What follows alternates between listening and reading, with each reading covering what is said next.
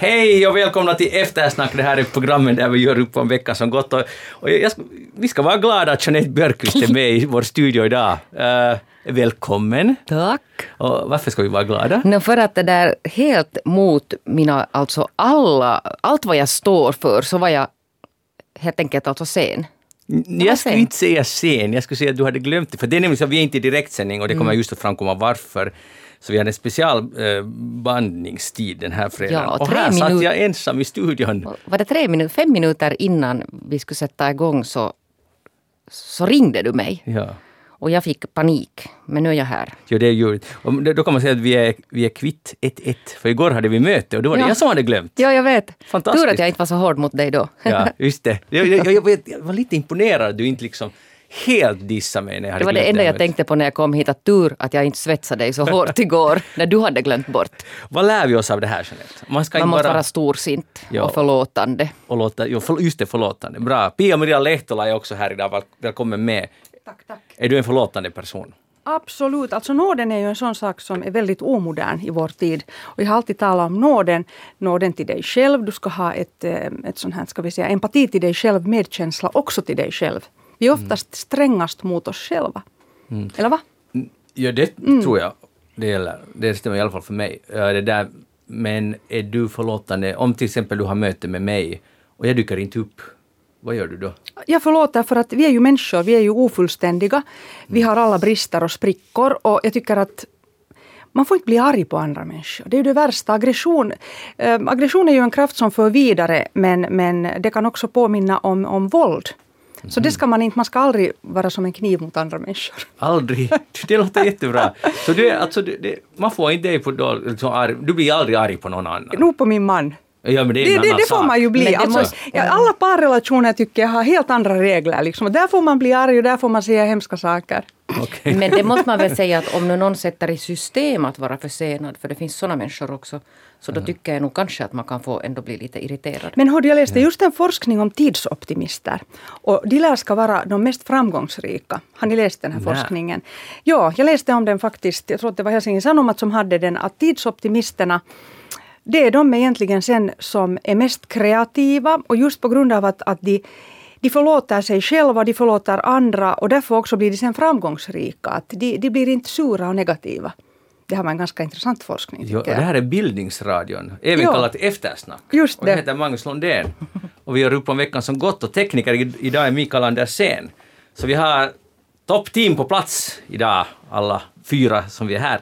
Hej, um, ja, veckan som gått. Uh, jag vill först ta upp, jag läste en uh, svenska YLE rapporterar om, om en ung pojke som åkte elsparkcykel i nästan 70 kilometer i timmen i Lojo. Och, och det där, han hade också en passagerare på, där bakom.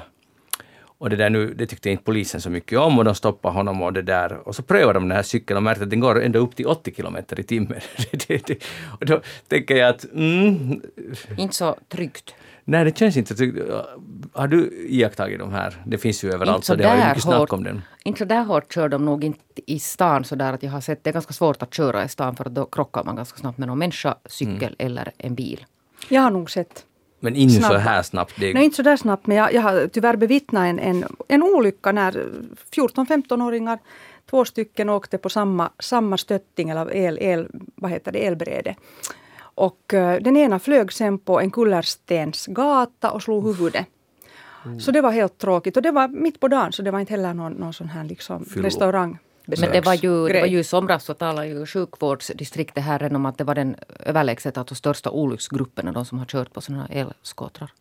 Ja, jag, en annan aspekt som det kom fram i någon, en insändare här i HBL och jag är lite skäms för att ta upp det här men det, man måste vara ärlig mot sig själv Pia-Maria vad man tycker.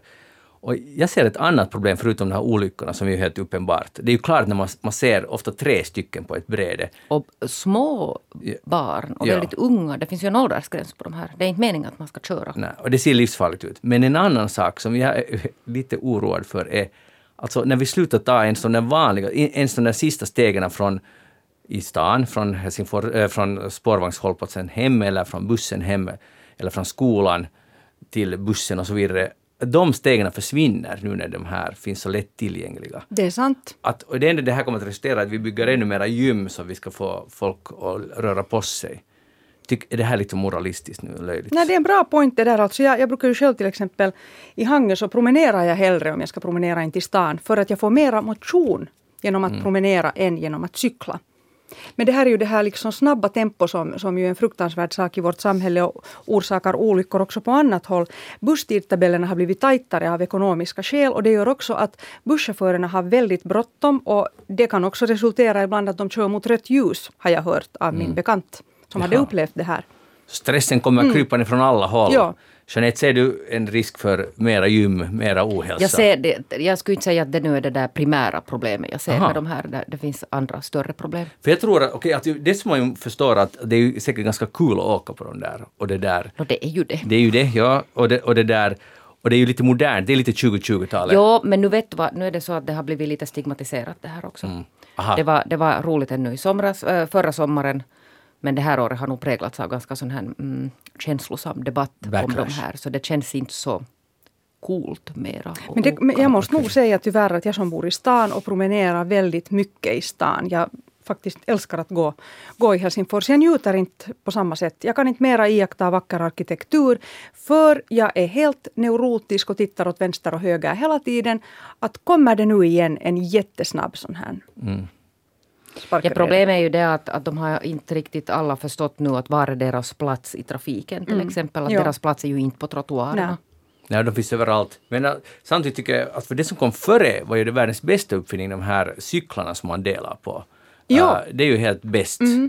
Och det borde ha stannat vid det. Men man kan inte, alltså nu när det finns elbatterier och det möjliggör, så det kommer att komma allt mer sådana lösningar. Det är alldeles klart. Nå, det pågår nog en så hetsig debatt om det här och man ska börja förbjuda alltså användning på, Oj, på nätter och, sen tyck- nattetid och så här. och så tycker jag synd om de här ki- kirurgerna, läkarna som, som ser det här alltså konkret på sitt arbete, Mm. de här operationerna. För det, det, det, blir, alltså det kan bli vad heter det, livs, livshotande, skadliga neurologiska sjukdomar för framtiden för de här unga människorna. Men och då, då, tar ju, då tar vi ju inte ansvar heller. om vi Men inte sätter rätt- gränser. Eh, Rätt använda så har, fyller de också en funktion, upplever jag nog, Mm. Så är det. i stadstrafiken. Att till exempel nu om det skulle ha varit stor taxibrist så skulle det ju ha gått snabbast för mig att ta en sån här till Böle.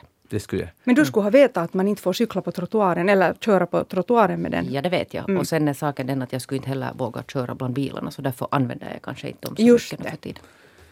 Hej, det, vi hade ju en liten regeringskris den här veckan och sen vips fixade det sig. eh, på torsdag kom de ut och sa att allting, en lösning är nådd.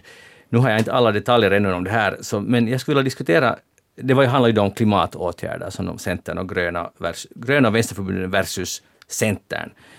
Och ganska småpotatis där i slut, slutskedet. Men på onsdag kväll så gjorde vår statsminister Sanna Marin då en ett taktiskt drag och det är det här jag skulle vilja diskutera med experterna Pia-Maria och Jeanette. Hon lämnade de här som var mot varandra, kombatanterna, för sig själva för att lösa det här problemet och stack. Och nu har, hon fått, nu har det här väckt mycket debatt. Var det rätt eller var det fel? Jeanette? Alltså, jag såg ju den här när hon framträdde igår i TV-nyheterna och sa att det är onödigt att alla regeringspartier sitter, äh, sitter i, i det här bordet och, och gnabbas. Att det är bäst att lämna de här trätande två och, och reda ut det här. Jag tycker det var ganska smart. Men är det rätt? om, det är deras, jo, men om det är deras åsikter som stöter mot varandra. Att, att det på något sätt liksom att, att det finns konsensus där omkring dem. Så då är det väl ganska bra att lämna dem. Och det var, vad hon bad om är att de ska ge sen tillsammans någon form av, av försök till lösning. Men Pia-Maria, om, om två människor grälar och står lång, ganska långt ifrån varandra och så sticker den här, den här förhandlaren därifrån, den här medlaren. Är det rätt taktik? Hon har tydligen inte upplevt sig själv som en medlare. Men hon är vår Utan- statsminister. Ja, men hon har upplevt sig själv som den här som, som i slutrakan sen godkänner det här beslutet. Mm. Och hon har kanske tänkt kreativt att de här människorna måste i lugn och ro få diskutera den här saken. Hon har kanske tänkt till och med att hon kan påverka det, att de, de inte kan nå det där rätta beslutet. Mm. Jag skulle vilja tänka att, att hon är en, en modern ledare. Mm. Kreativ. Okej, jag köper era argument nog. Bara Först tänkte, Var du lite kritisk? No, jag var lite kritisk, men jag, jag, snabbt som vinden böjde jag mig. För att jag, men- alltså jag, tänker, jag tycker nog att det låter lite, för vanligtvis är det ju så att om två människor grälar och står väldigt långt ifrån varandra och är låsta i sina positioner så får man det inte, det löser sig inte genom att de står och gnabbas med varandra utan de blir bara argare.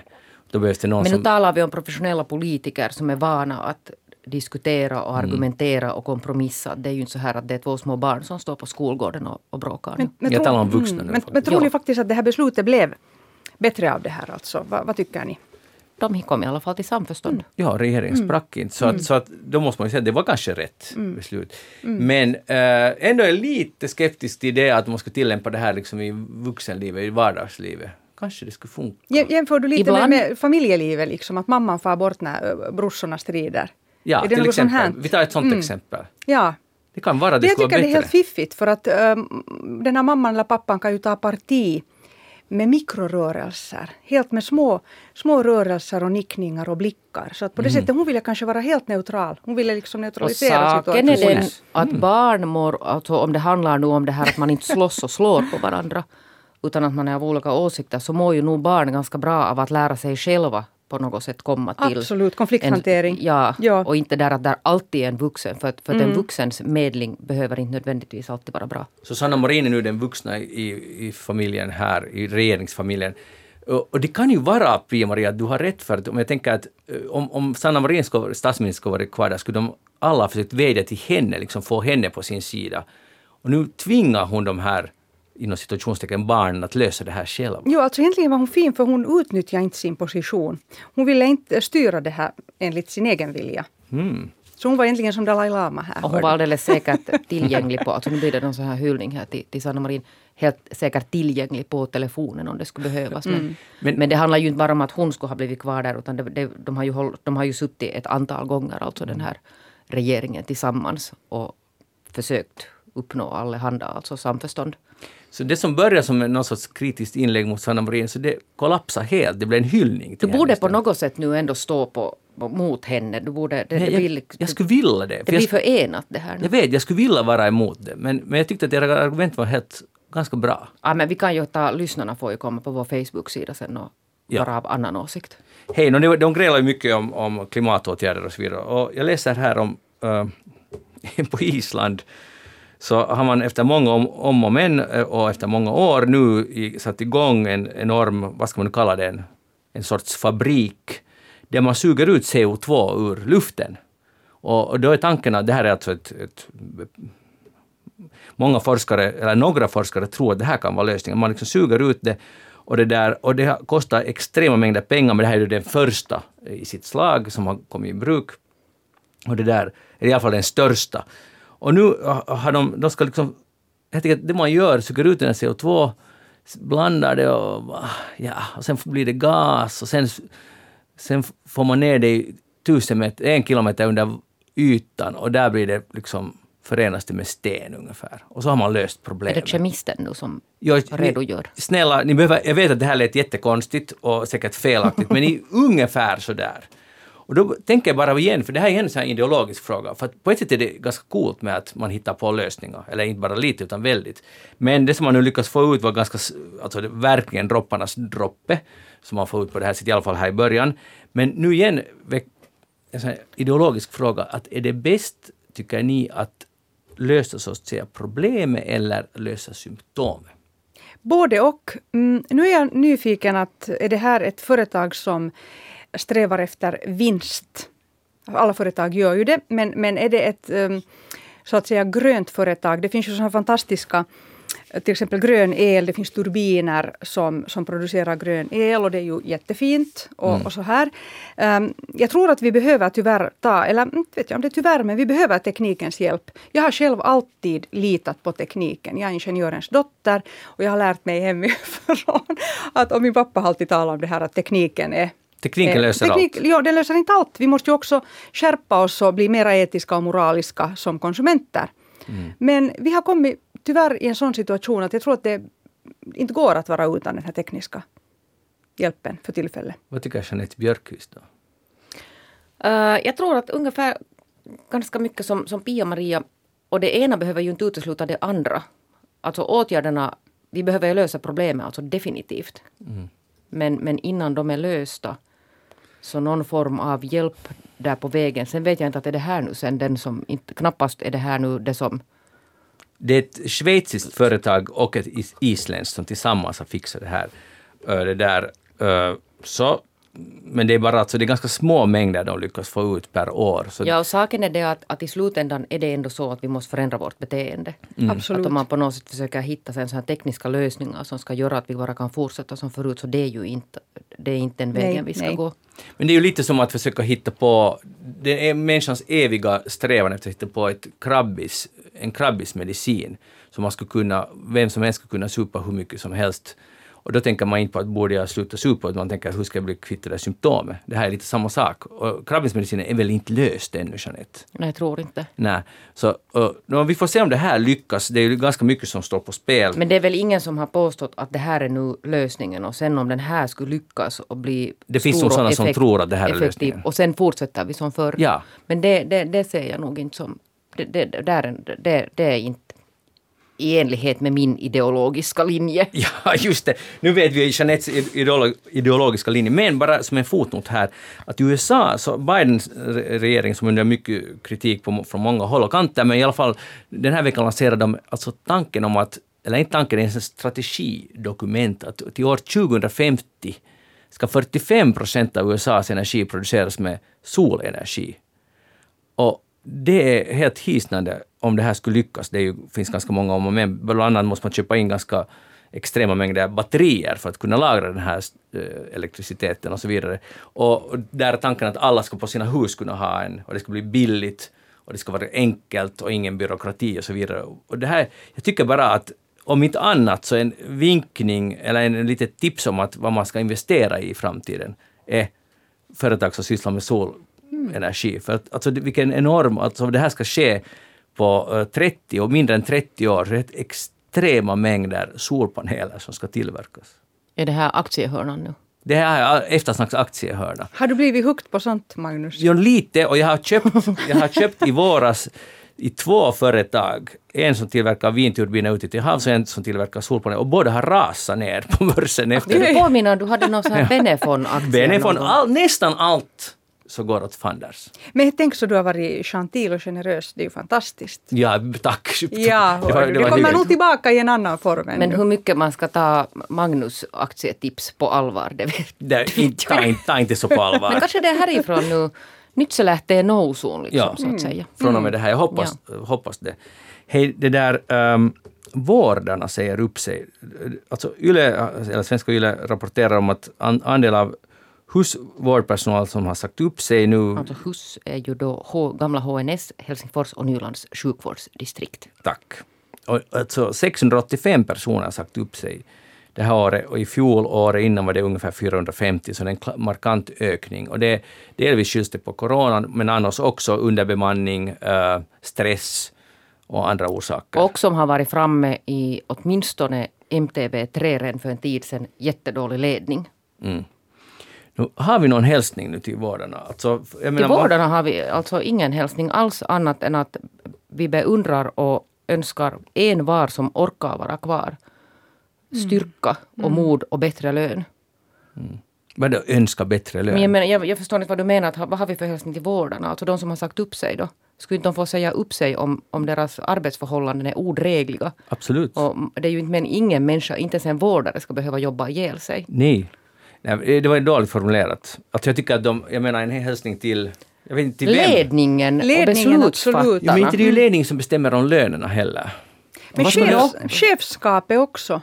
Och det här att, att man måste ju komma ihåg att mä- människor är begränsade. Vi har, vi har inte tillgång till, till överdriven energi.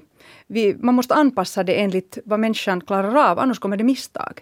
Olyckor. Och det är jätteolyckligt för att det där, alla vet att vi har annars också brist på, på kunnig vårdpersonal i hela Finland. Och det talas alltså om arbetskraftsinvandring som en lösning på det. Det är ju inte någon akut lösning i alla fall. Och det är ju inte heller meningen. Människor har alltså velat gå in i vårdarbete av orsaker.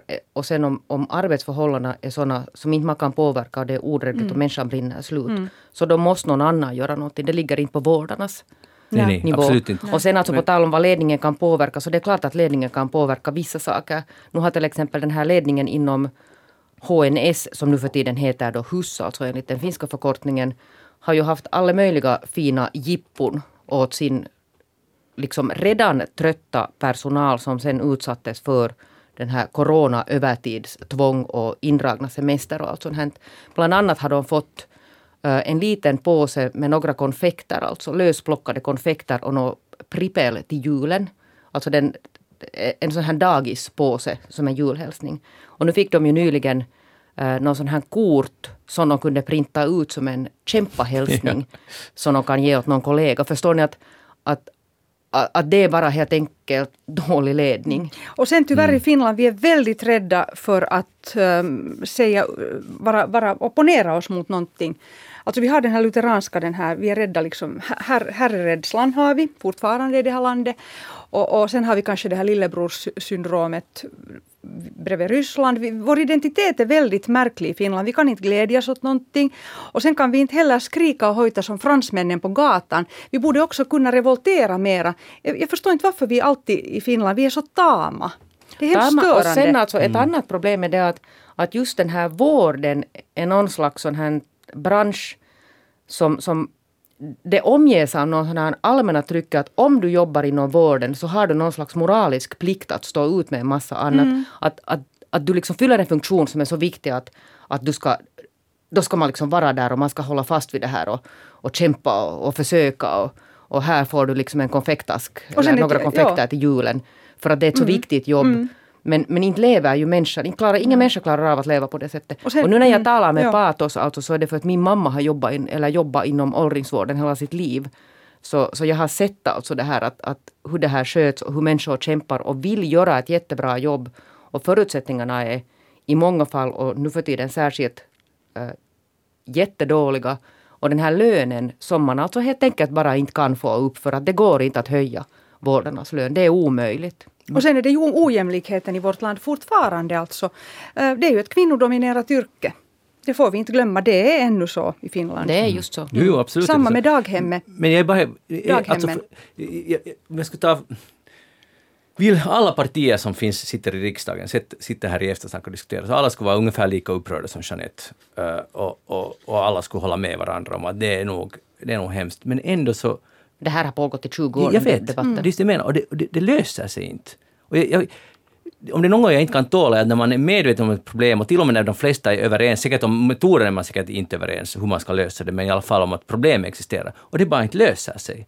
Jag tycker det är, det är liksom det är pinsamt mm. i ett sånt samhälle där, mm. där det mesta funkar och så här, vi skulle kunna lösa det här, men det handlar förstås om pengar, men, men om alla är ändå överens om att det är orättvist och det är ojämlikt och så vidare, och oskäligt att kräva så mycket av vårdarna. Och, och ja, det bara fortsätter. Här, och det vet jag att inom H, den här HUS, alltså sjukvårdsdistrikt, så det har funnits någon sån här, sån här tanke om att, att att till exempel då den här coronakrisen, innan det också, men särskilt den här coronakrisen, att man under sådana omständigheter kan klämma allt ur en människa.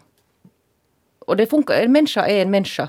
Mm. Alltså jag, har, jag, jag, har, jag, jag, känner folk som jobbar inom, inom hus, som är helt slut. Och när jag har lyssnat alltså på vad som har pågått där så jag är att, att det är ett mirakel mm. att så många är kvar där ännu. Mm. Och det här blir dyrt för samhället, för sen blir det också rehabilitering av personal, de här som har jobbat där och bränt ut sig, medicinering kanske, men äh, arbetslöshetsunderstöd. Men sjukvården kollapsar mm. om inte vi har människor som mm. inte finns händer som gör det här, så mm. kollapsar det. Det måste nog mm. beslutsfattarna på riktigt vakna upp till. Att den är inte en oändlig resurs den här som matas in. Inte hur mycket man än försöker alltså tvinga in människor också till vården. Människor som kanske inte ens vill men som inte sen har alternativ. Att den är, den är, den är ändlig den här resursen, det är människor vi talar om. Men tror ni, kan det vara det som är helt enkelt orsaken? Att man ändå räknar med att de är så pass, så att nu, det här är ironiskt eller vad ska vi säga, att de är så pass goda, de går, så som du sa Jeanette, enligt sitt kall, att vi kan ändå räkna med deras solidaritet. Därför höjer man inte lönerna. Och så har det ju pågått är det så? länge. Ja, men alltså, menar, är det här egentligen den orsaken? Att vi kan ändå, vi räknar det, alltid med dem ändå. Jo, för det är ju inte så att inte vårdarna länge, alltså i åratal, så länge jag kan minnas, har de försökt göra sig hörda och säga att, att det är lite kris här nu. Inte på alla håll, men på många håll. Mm. Men sen är det just det att, att sen när de pressar, alltså det är faktiskt människor som pressar sig mer än tror jag många annan i samhället skulle göra inom sin egen nisch. För att man vill hjälpa?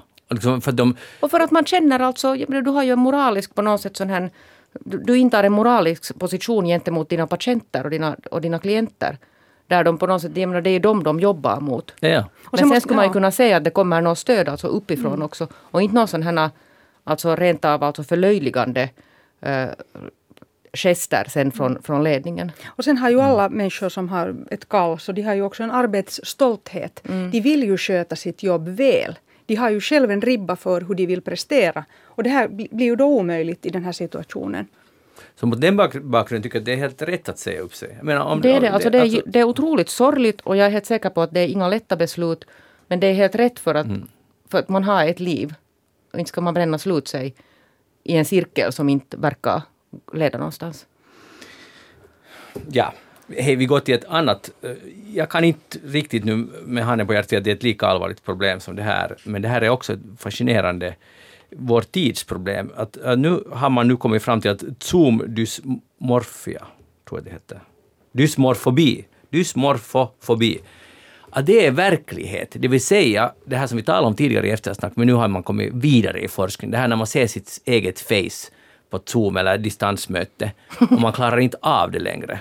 Och man, man liksom, ens självförtroende far i sank, g- går i botten och, och man, man, man där, eh, vill göra något åt sitt utseende och man klarar inte av att se sig själv.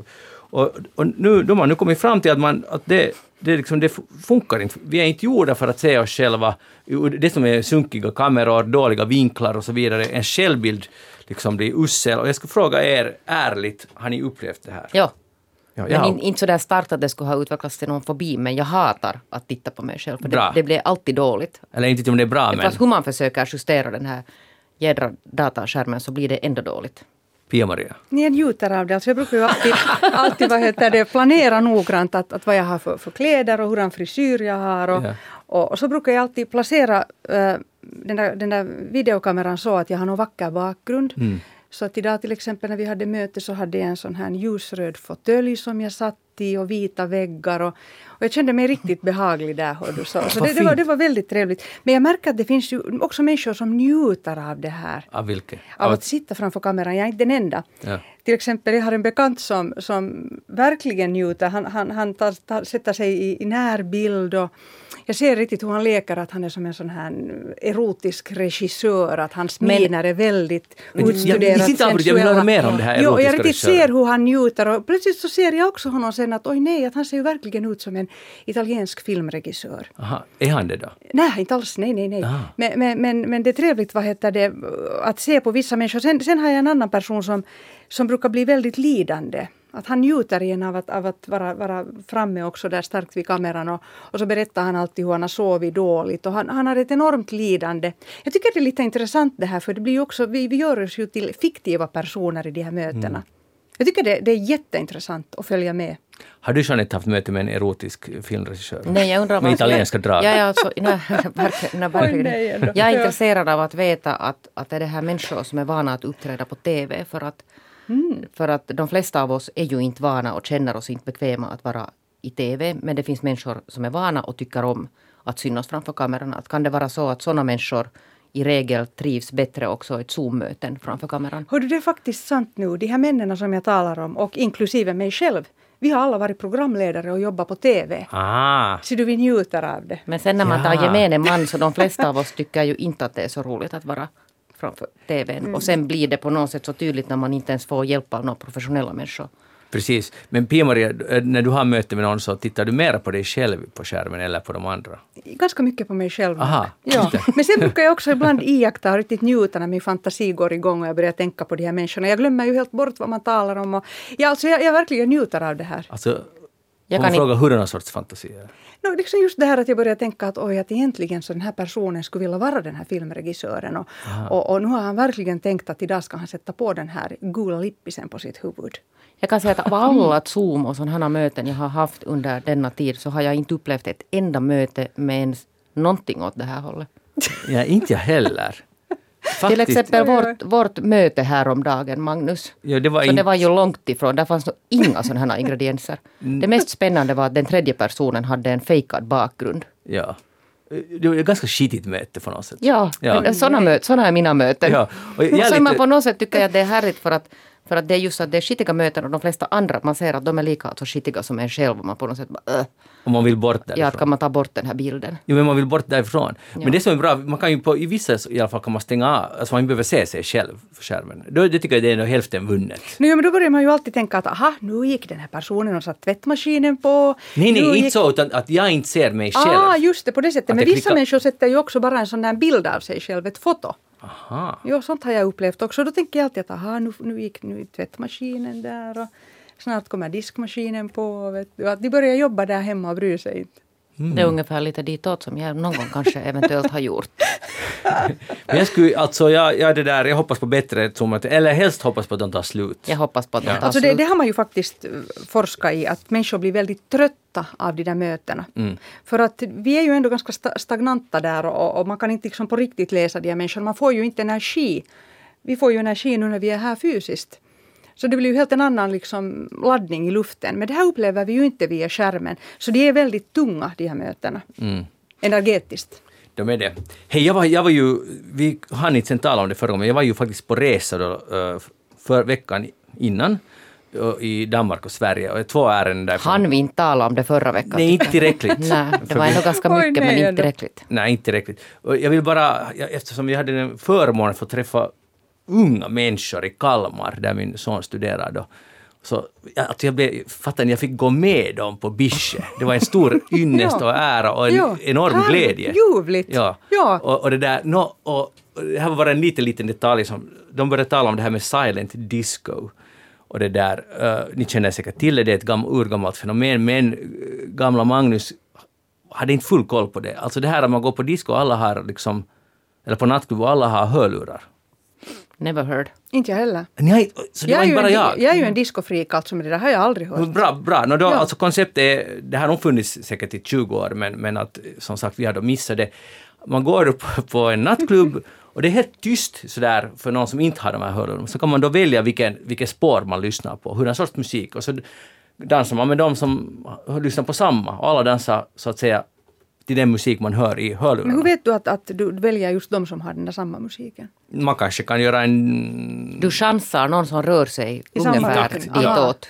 Och jag tänker på att, det. att, att det här är ju lite intressant, det här öppnar helt nya dimensioner. För då är det ju alltså, det är i princip helt tyst i det där rummet om man tar av hörlurarna. Och jag undrar, ni som är, Jeanette är inte en dansande person men... Nej, men jag är ju just en dansande person. Och jag har sprungit på klubbar, hör du, mer Ah, ni alla missat. här i detta hus tillsammans. Och det är många människor i detta hus. Har du också tyckt om elektronisk musik? Jo, och jo, de här men, acid house och de här jo, grejerna? jo, jo, Jag men med, där var med. nog verkligen Härligt. ingen silent disco Men någonstans. skulle du kunna klara av det här? Nej. Inte jag heller. Och varför inte? Därför för att jag behöver den där vet att det slår in i vet du, kroppen, Jo, jo, vet hela dit den här in i vet du, och- ryggmärgen. Kommer den här boom, Och boom. den där gruppkänslan också, att Ja. man är som indianer på något sätt Ja. där i rad. Men allt det får ni ju. För att- Nej, det är inte nej, samma inte sak att detsamma. komma igenom... Det nej, är nej, ändå nej, isolerat, vet du. Nej, nej, nej. jag är lite förbluffad, för jag tycker att det här är ganska, ganska innovativt. För då, då, är det innovativt ju, är det. då kan ju de som vill diskutera med varandra sitta där i tystnad och kan prata av sig hörlurarna.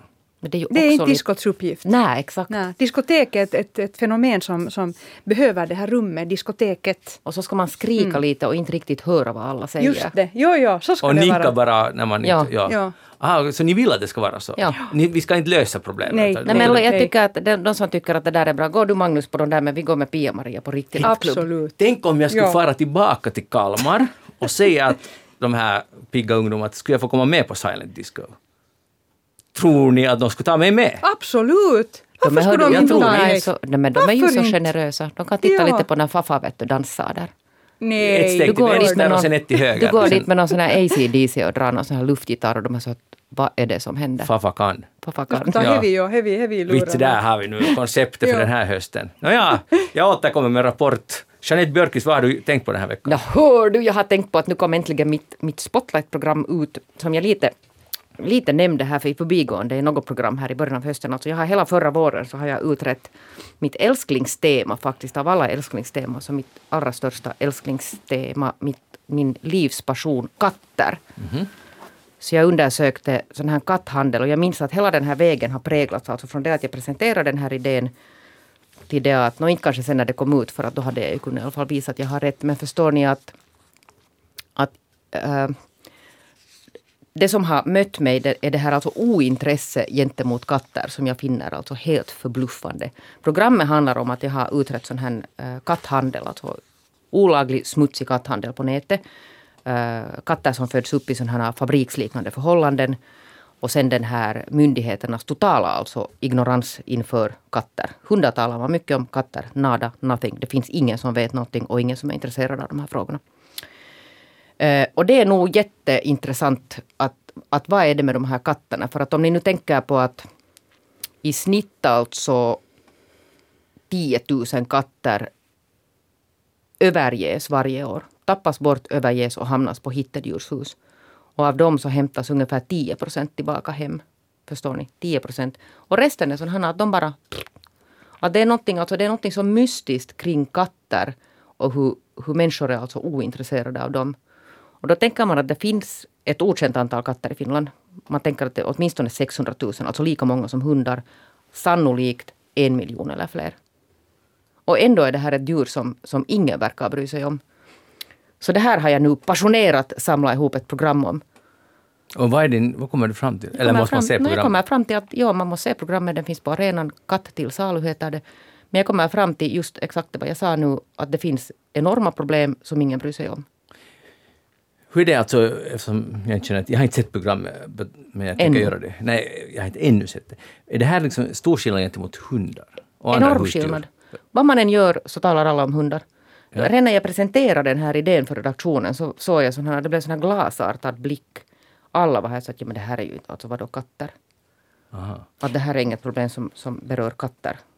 Men handlar det här om det här att hundar är dyra, man köper oftast en hund och de har de här olika kennelgrejerna och de här uppfödarna, att där finns en sån, ett system. Men katter är mera sådana liksom lite vilddjur och man tycker att katten är så självständig. Och, och jag vet inte, katter är väl inte dyra, man kan ju få gratis no, katter. Du, det är ju det, det vad jag det, också ja, berättar här, att ja. det kan man inte alls få. Eller mm. kanske man kan någonstans i någon liten ort. Men man säljer ju alltså i dagsläget så tar man, det finns ju människor som säljer sådana här alltså vilt förökande kattungar, bondkatter, ganska sjuka och i alla fall inte helt balanserade för 500-600 euro styck. Och vad kostar en hundvalp? No, det beror lite på att köper du den från bagageluckan, vilket du alltså då inte ska göra, eller köper du den från en uh, vedertagen, ja, mm. ordentligt granskad. Och vad, vad, kostar en, en hund då i princip? No, det kan ju kosta allt från tusen euro upp till mm. flera tusen. Men mm. katter, alltså raskatter kostar ju också mm. tusen euro mm. eller mer. Men alltså du, din poäng är att katter är diskriminerade? Katter är alltså grovt diskriminerande och det är för mig alltså ett mysterium. Det som jag inte alls tar upp i den här är ju de här, de här alltså det, det finns ju ett sånt medborgarinitiativ där man bland annat talar om att man borde alltså börja alltså sätta sån här mikrochip i katter också, precis som man gör i hundar. För att få någon ordning på det här.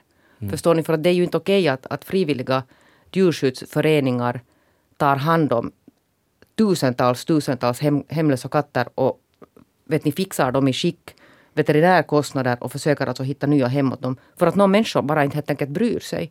Att inte, inte är ju katter någon konsumtionsvara, det är ju levande djur.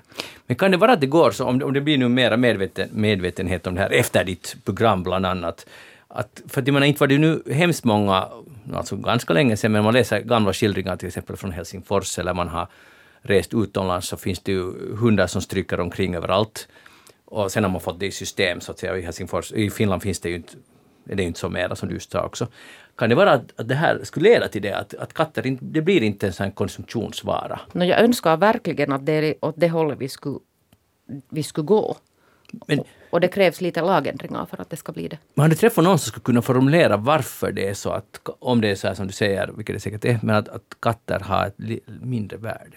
Nej, och det finns, alltså, det finns inget svar på det. Jag förstår alltså inte själv om det finns någon som har ett svar på det. Det, finns alltså, det kan finnas någon förklaring i den här agrara samhället där, där katter har varit någon sån här men man har en katt på gården för att den ska fånga möss. Mm. Ja. Och sen förökar de sig lite sinsemellan. Sen har man plötsligt jättemånga katter. Men de jobbar nu på där och är vilda. Och, mm. sen har vi inte riktigt liksom det, någonting. Det handlar nog om kattens narrativ, alltså dens historia och dens berättelse. Och, och sen undrar jag också att hur är det att kan katter rymma? Om de har ett härligt hem, kan de ändå sen rymma? De rymmer verkligen och jag mm. har ju haft en rymling i ett träd i Tölö Men det där att när en, när en katt som ju borde i, i min värld ses som ett husdjur och en, en familjemedlem rymmer så söker man ju reda på det. Det är inte så där att man bara lämnar det och aldrig frågar efter det utan tar en ny katt. Men tänk på tal om din katt som var uppe i trädet i Töle och brandkåren kom och räddade. Så det var ju ändå samhället sträckte ut en hjälpande hand. Ja, inte helt gärna först. Nej, men till de kom. slut. Men alltså jag var ju en ansvarsfull kattägare. Skulle jag ha varit en sån här så skulle jag bara ha lämnat den där i, i trädet och, och gått och köpt en ny katt åt mig. Mm. Men hur och är det med hoppats de att någon tar hand om den. Men hur förhåller du dig till katter i koppel i stan? Jag tycker det är jättecharmigt.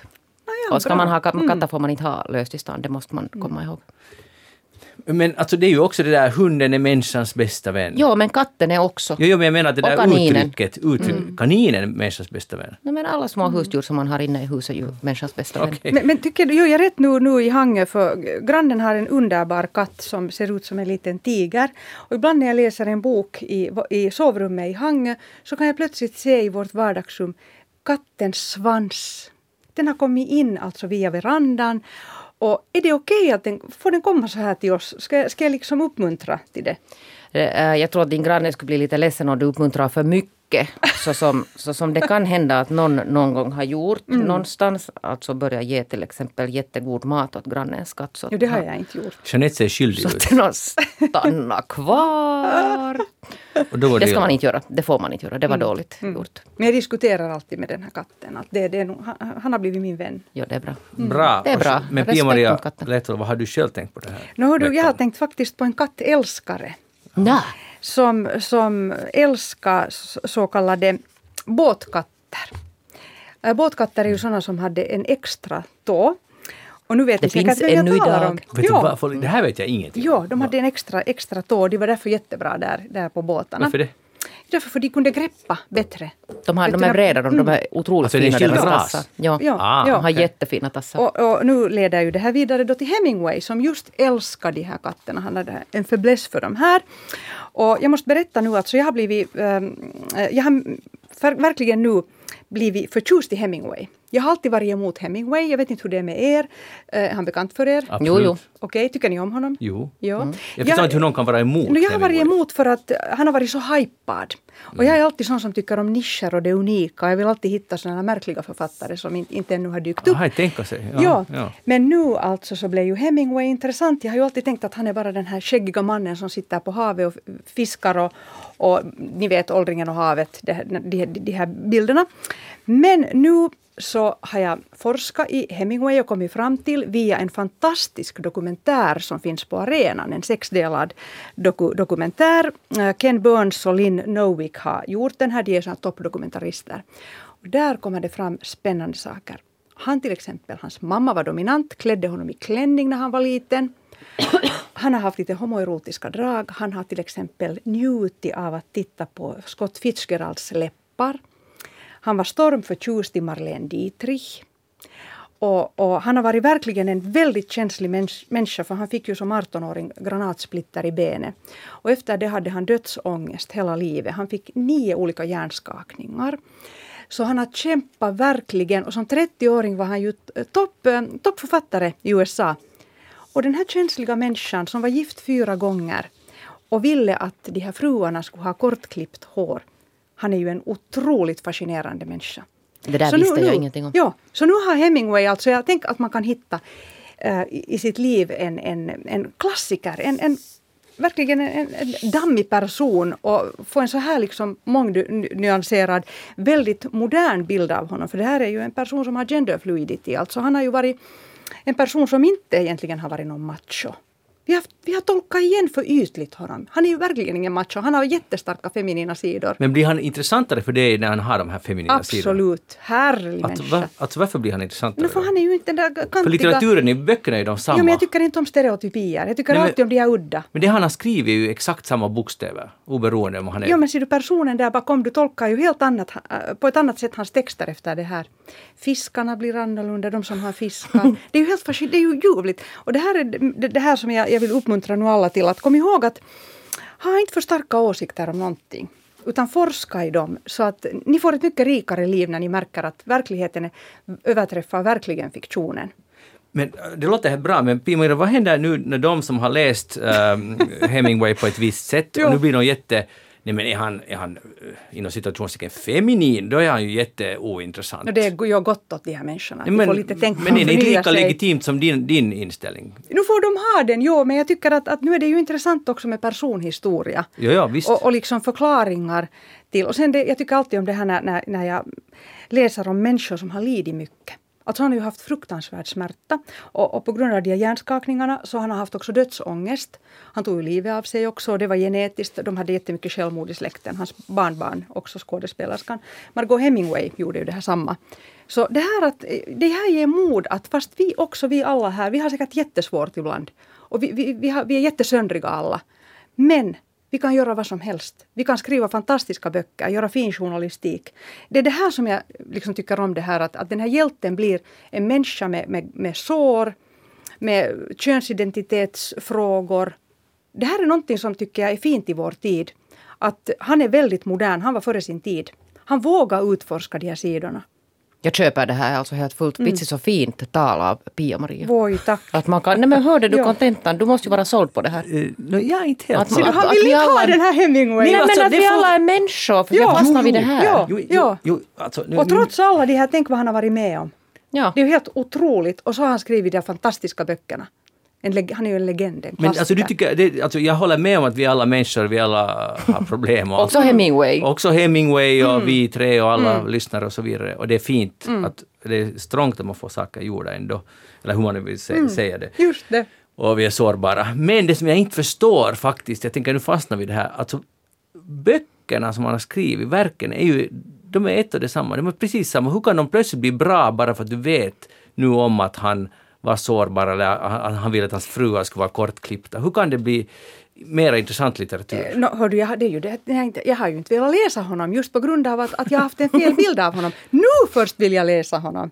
Jag har ju fastnat vid den där äh, klassiker och legend, den här mannen där med det, här skägget och, och havet. Men nu är han ju sjuttons intressant när han har varit Så nu tänker du alltså Marlene läsa? Kombination. Ja, nu. Du tänker börja läsa Jag tänker nu köpa faktiskt eh, hans bok om Paris. Han levde ju sitt underbaraste liv där på 20-talet. I en bostad som hade, det kom sågspån från taket för det var en gammal såg. Titta på dokumentären. Jag ska göra det. Där är bilder också Men därifrån. alltså, nu kan jag hålla med om att han, som person blir intressant, alltså, saker man inte, om man inte man har vetat om det tidigare.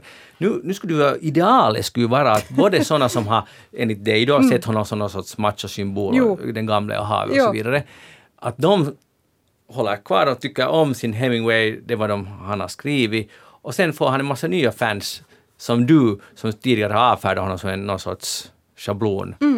Uh, så ni kan mötas här i er Absolut. beundran av Hemingway. Absolut. Att, men, ja. men har du andra författare som du också har avfärdat så här slentrianmässigt? Sådär, på, utifrån någon sorts fördom?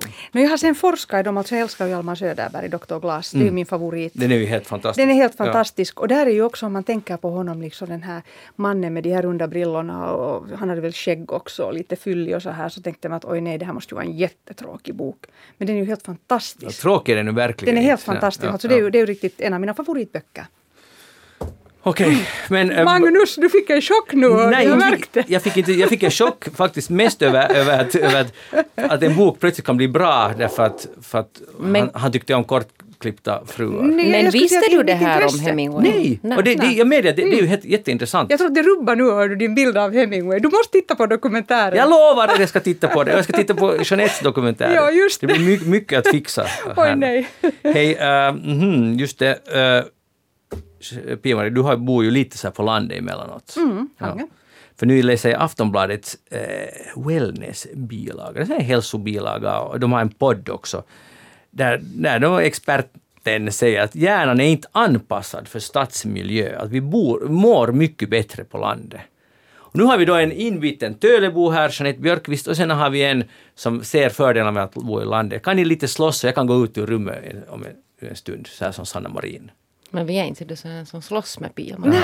Vi är inte alls... Jaha. No, men måste jag ändå bli här för att få... Nu, nu, jag kan säga att nu när jag har bott i, i, i Hangö ganska länge för att vi har haft rörrenovering i Kronohagen och, och då, hade, då har jag faktiskt blivit, gått in i en sån här regression.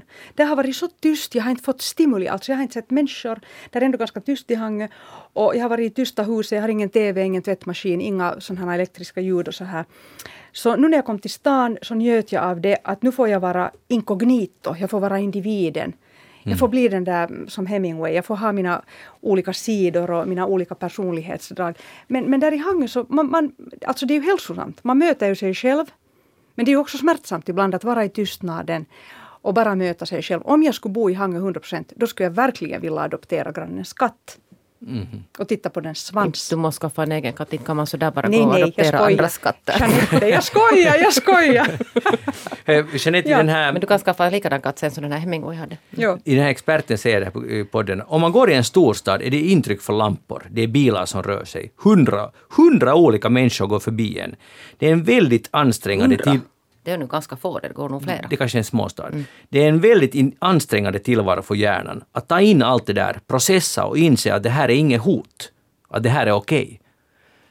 Jag har nu en känsla av att människan ändå här under ganska tusentals år har anpassat sig Men till har det nu funnits städer, stats- så som vi känner till begreppet Ja, stad i men tusentals år. stadsliv, förstår du? Det, där, det är lite överdrivet det där nu, det är nog min Men åsikt. du är ju överdriven, du sa just i tusentals år. No, men förstår du att man har levt ändå sådär in på varandra? Men då kommer jag till den gamla italienska arkitekturen och Agora, alltså torget. Agora, arkitekturen. Torget är ju en fantastisk plats. Där samlas alla från samhällets olika... Där kommer fiskaren, där kommer juristen, där kommer den ena och den andra. Um, alltså nu är ju staden inkluderande. Just med tanke på till exempel torget. Mm. Så det är ju helt ljuvligt. Du kan ju känna liksom samhörighet med... med och, och du kan, i, sta, i stan kan du ha väldigt spännande sådana äh, oförhappande möten. Du plötsligt bara märker du någon människa som börjar berätta om dens fantastiska liv, livsberättelse. Sånt händer ju inte om du sitter där i bondgården. Har- Sen tror jag att det kan hända att, att om man har levt, om man inte är van att röra sig i en storstad till exempel, det vill säga att man bor på landet eller i någon sån här mindre ort, så kan jag mycket väl förstå att det kan uppfattas så här. Och det, kan, det är säkert känslan, om inte man är van med mycket stimuli så känns det säkert Men man blir överväldigande. van. Men man Men blir man van. blir van att inte det är ju så att stadsbor går omkring och sådär "Åh", bara här Mm. blinkar mycket lampor. Utan man lär sig ju också när man lever här att inte går man ju omkring och tar till sig alla intryck. Man kan ju gå in i en sån här egen bubbla till exempel. Jo, man kan ju se på kaféer också hur folk sitter och skriver för hand i sin dagbok. Det är ju väldigt stillsamt. Och det är nu, det är Mm. nu sen en sån här... Stadsliv i ett nötskal. Och det är kanske personlighetsfråga det där att var man trivs bäst. Att trivs man med att det är helt tyst och ingenting som, som stör. Eller trivs man med det att det pågår någonting omkring en. Alltså det bästa är ju att, att man har variation, för då kan man vila från de här olika extrema punkterna. Så det, det är ju det allra bästa. Ja. Att man kan dra sig undan och sen ibland kan man vara där på scen. Men jag kan säga att jag är mera rädd på landet än i stan. Alltså jag är aldrig rädd i stan. Vad är du rädd för på landet? No, för att det kan komma alla möjliga konstiga vet du. Jag förstår. Hurdana? Människor och det, det, och det är mörkt vet du och man Ja. ser inte och det är underliga ljud. och- Men är det inbrott du är rädd för eller vad är du rädd för? Nå allt. Vet du, eller att det kommer någon mördare plötsligt vet du, med jo. hagelbräckor och Jo. börjar skjuta genom fönstren. De ser en där. Ska man ha ljuset på där inne i sitt hus eller ska Jo, man jo. inte?